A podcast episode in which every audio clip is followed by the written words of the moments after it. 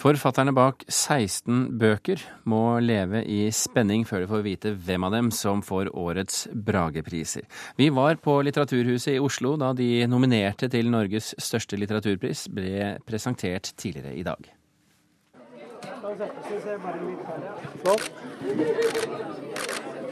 Ja, jeg heter Lars Amund Våge og er nominert i klassen skjønnlitteratur for voksne. Du er ganske vant til å bli nominert til litterære priser? Ja, det er jeg jo. Jeg har vært nominert til Brage før òg. Hva slags øyeblikk er dette i en forfatters liv? En god stund der en føler at en blir satt eh, pris på, eller verdsatt. Eh, det, det, er en god følelse. Kan du si litt om din roman? Eh, det er jo en, en, fortelling om en familie som har et autistisk barn. Da. Men det er òg en kjærlighetshistorie og en, en fortelling om, om, å skrive da, og om språk. Lars Amund Våge om sin roman 'Synge'. Han sitter her sammen med nesten alle de andre forfatterne som er nominert til årets priser. Det ser nesten ut som om de skal ta et klassebilde. I samme klasse, for skjønnlitteratur, er også Kjartan Fløgstad nominert for romanen 'Nordaustpassasjen' og to lyrikksamlinger. 'Kjøkkendikt' av Kjartan Hatløy og Cecilie Løveids 'Flytterester'. Torbjørn Færvik er nominert for boken 'Maos rike'. Siden han har fått prisen to ganger før, vet han kanskje hva som skal til. Ja, jeg vet ikke. Jeg gjør jo bare tingene på min måte, og det har jo slått an i mange år nå. Men jeg har ikke noen sesam sesam-oppskrift. Men jeg har jo skrevet reiseskildringer, historiske skildringer. Og poenget er å være levende. Eh, og også basere seg på kunnskap. Og jeg tror det er de to tingene som slår an. Ja. Det er fire Bragepriser for skjønnlitteratur, sakprosa, barne- og ungdomsbøker og en åpen klasse i år for ungdomslitteratur. Aina Basso har skrevet om hekseprosessene på 1600-tallet, nettopp for unge. Jeg, også prøver nå å dykke ned i den 16-åringen eh, jeg en gang var sjøl. Eh, men ikke bare det. Men jeg prøver på en måte å, eh, å, tenke på hvordan alt dette her som er så ukjent og stort og skremmende, at det plutselig blir brent hekser, og du veit ikke hvorfor dette her foregår, og du veit ikke hvem som vil bli tatt.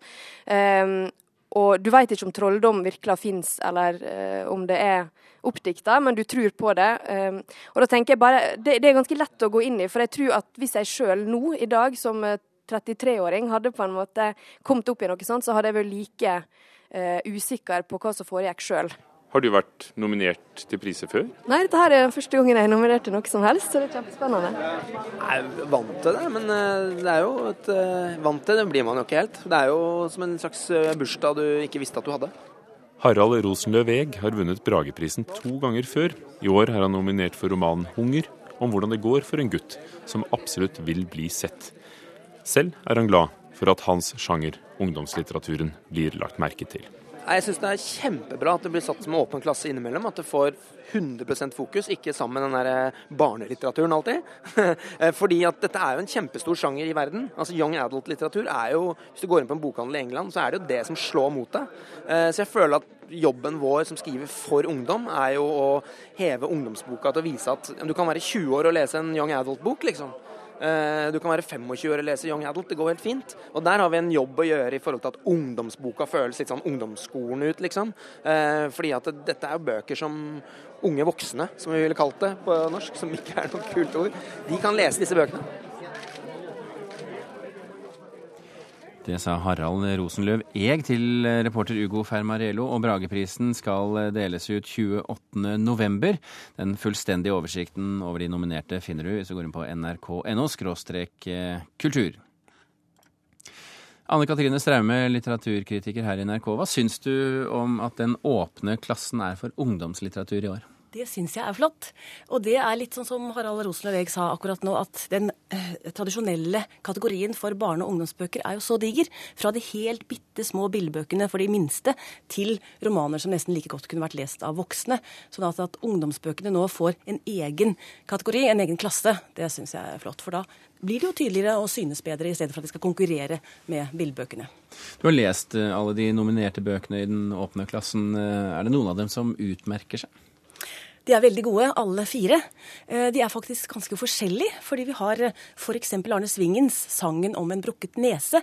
Den er i det helt sånn yngre sjiktet, kanskje for 10-12-13-åringer. Nesten som en barneroman, vil jeg si. Og så har du eh, Rosenløv Eggs roman 'Hunger', som er eh, en veldig ambisiøs roman. Og også Aino, Aina Basso, som har skrevet om hekseprosessene på 1600-tallet. Den kunne like gjerne vært lest av voksne. Så, så det er et, et spenn også i disse bøkene. Um, jeg vil si at jeg holder et, en knapp på de to kvinnene denne gangen. Det er Linn Sunde, som har skrevet 'Lille ekorn', og så er det altså Aina Basso med 'Inn i elden'. Uh, og det Linn Sunne har gjort, det er det at hun har skrevet en roman om en ungjente, en håndballspiller, som forelsker seg i håndballtreneren sin. Og så begynner det på en sånn SMS-kontakt, og så blir det mer og mer kontakt disse to imellom. En kontakt som ikke nødvendigvis er av det gode slaget. Og det er en skremmende aktuell bok, når vi ser på en måte Vågå-saken uh, akkurat nå. Uh, og hun skriver veldig godt, og hun skriver ikke svart-hvitt. Hun skildrer dette fra jentas side, for det er en forelskelse der.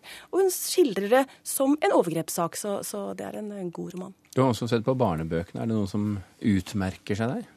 Ja, det er en som skiller seg ut med det samme rent sånn fysisk, og det er 'Hullet' av eh, Øyvind Thorsæter. Og det er en bok som faktisk har et hull tvers igjennom i hele boken. Eh, og det er en surrealistisk historie om en fyr som flytter inn i en leilighet, og så oppdager han da ved siden av døren at ja, men her er det jo et hull. Um, og så ringer han da og spør hva skal jeg gjøre med dette hullet.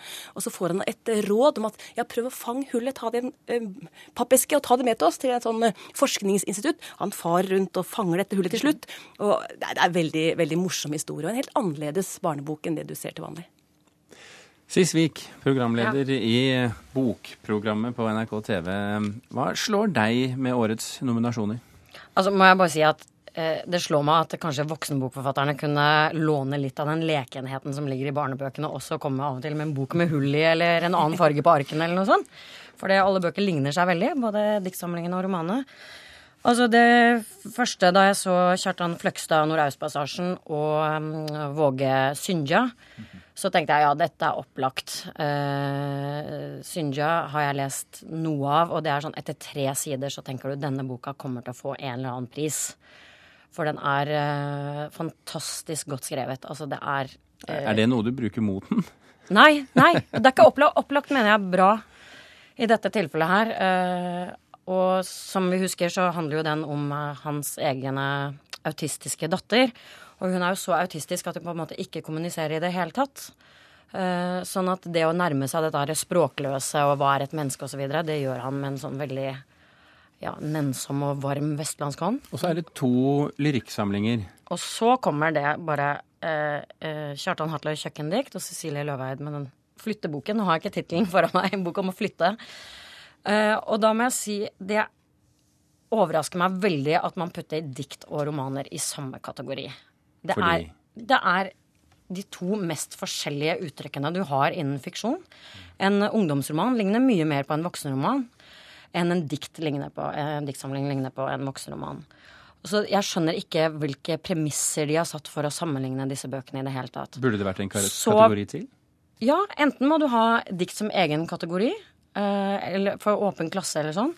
Det smaker veldig sånn diktpolitikk. At nå skal man si diktsamlingene har forsvunnet, og nå må de fram. Og det er jeg veldig enig i. Nå er det masse fine dikt.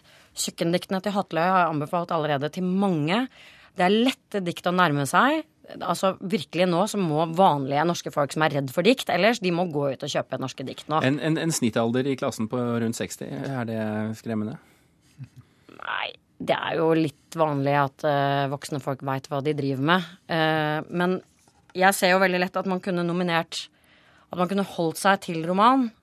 Og nominert, uh, gitt plass til f.eks. Kjersti Annesdatter Skomsvold, som har jo vært et stort talent med sin første bok, har skrevet nok en kjempegod roman.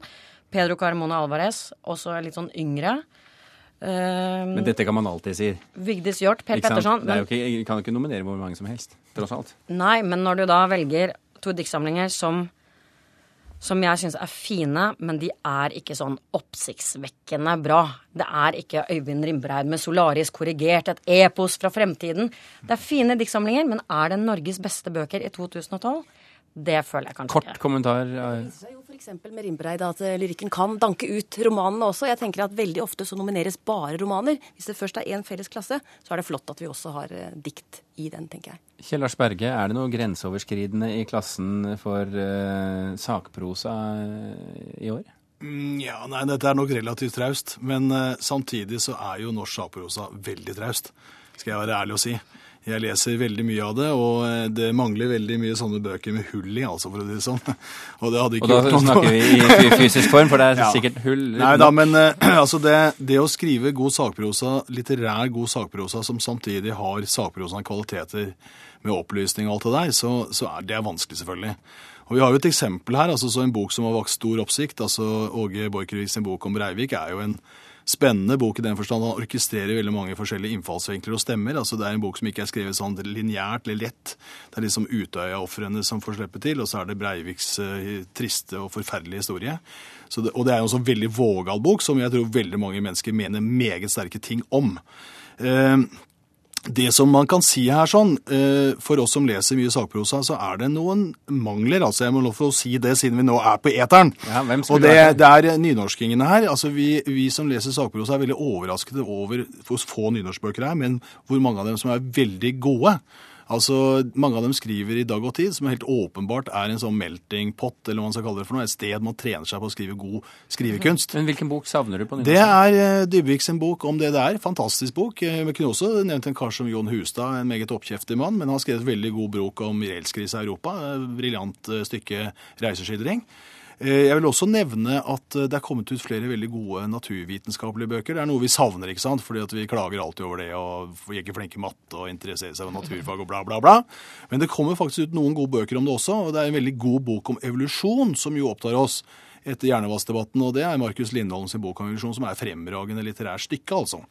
Men når det er sagt, så er det jo klart at disse som er valgt ut her, det er slett ikke noen dårlige bøker. Det er bare safe. Eh, ja, det kunne vært litt bredere sammensatt, men OK, altså. Det er ikke så enkelt. Det er veldig mye forskjellig sakprosa. De har eh, veldig mange hensyn å ta, denne komiteen, så jeg skal gi dem liksom Er, er det noen av dem som ikke fortjener prisen hvis de får den? Vi kan snakke om det etterpå. ok. Sisvik, eh, ja, Sisvik Anne Katrine Straume fra NRK og Kjell Lars Berge, retorikkprofessor fra Universitetet i Oslo. Tusen hjertelig takk for at dere kom til Kulturnytt.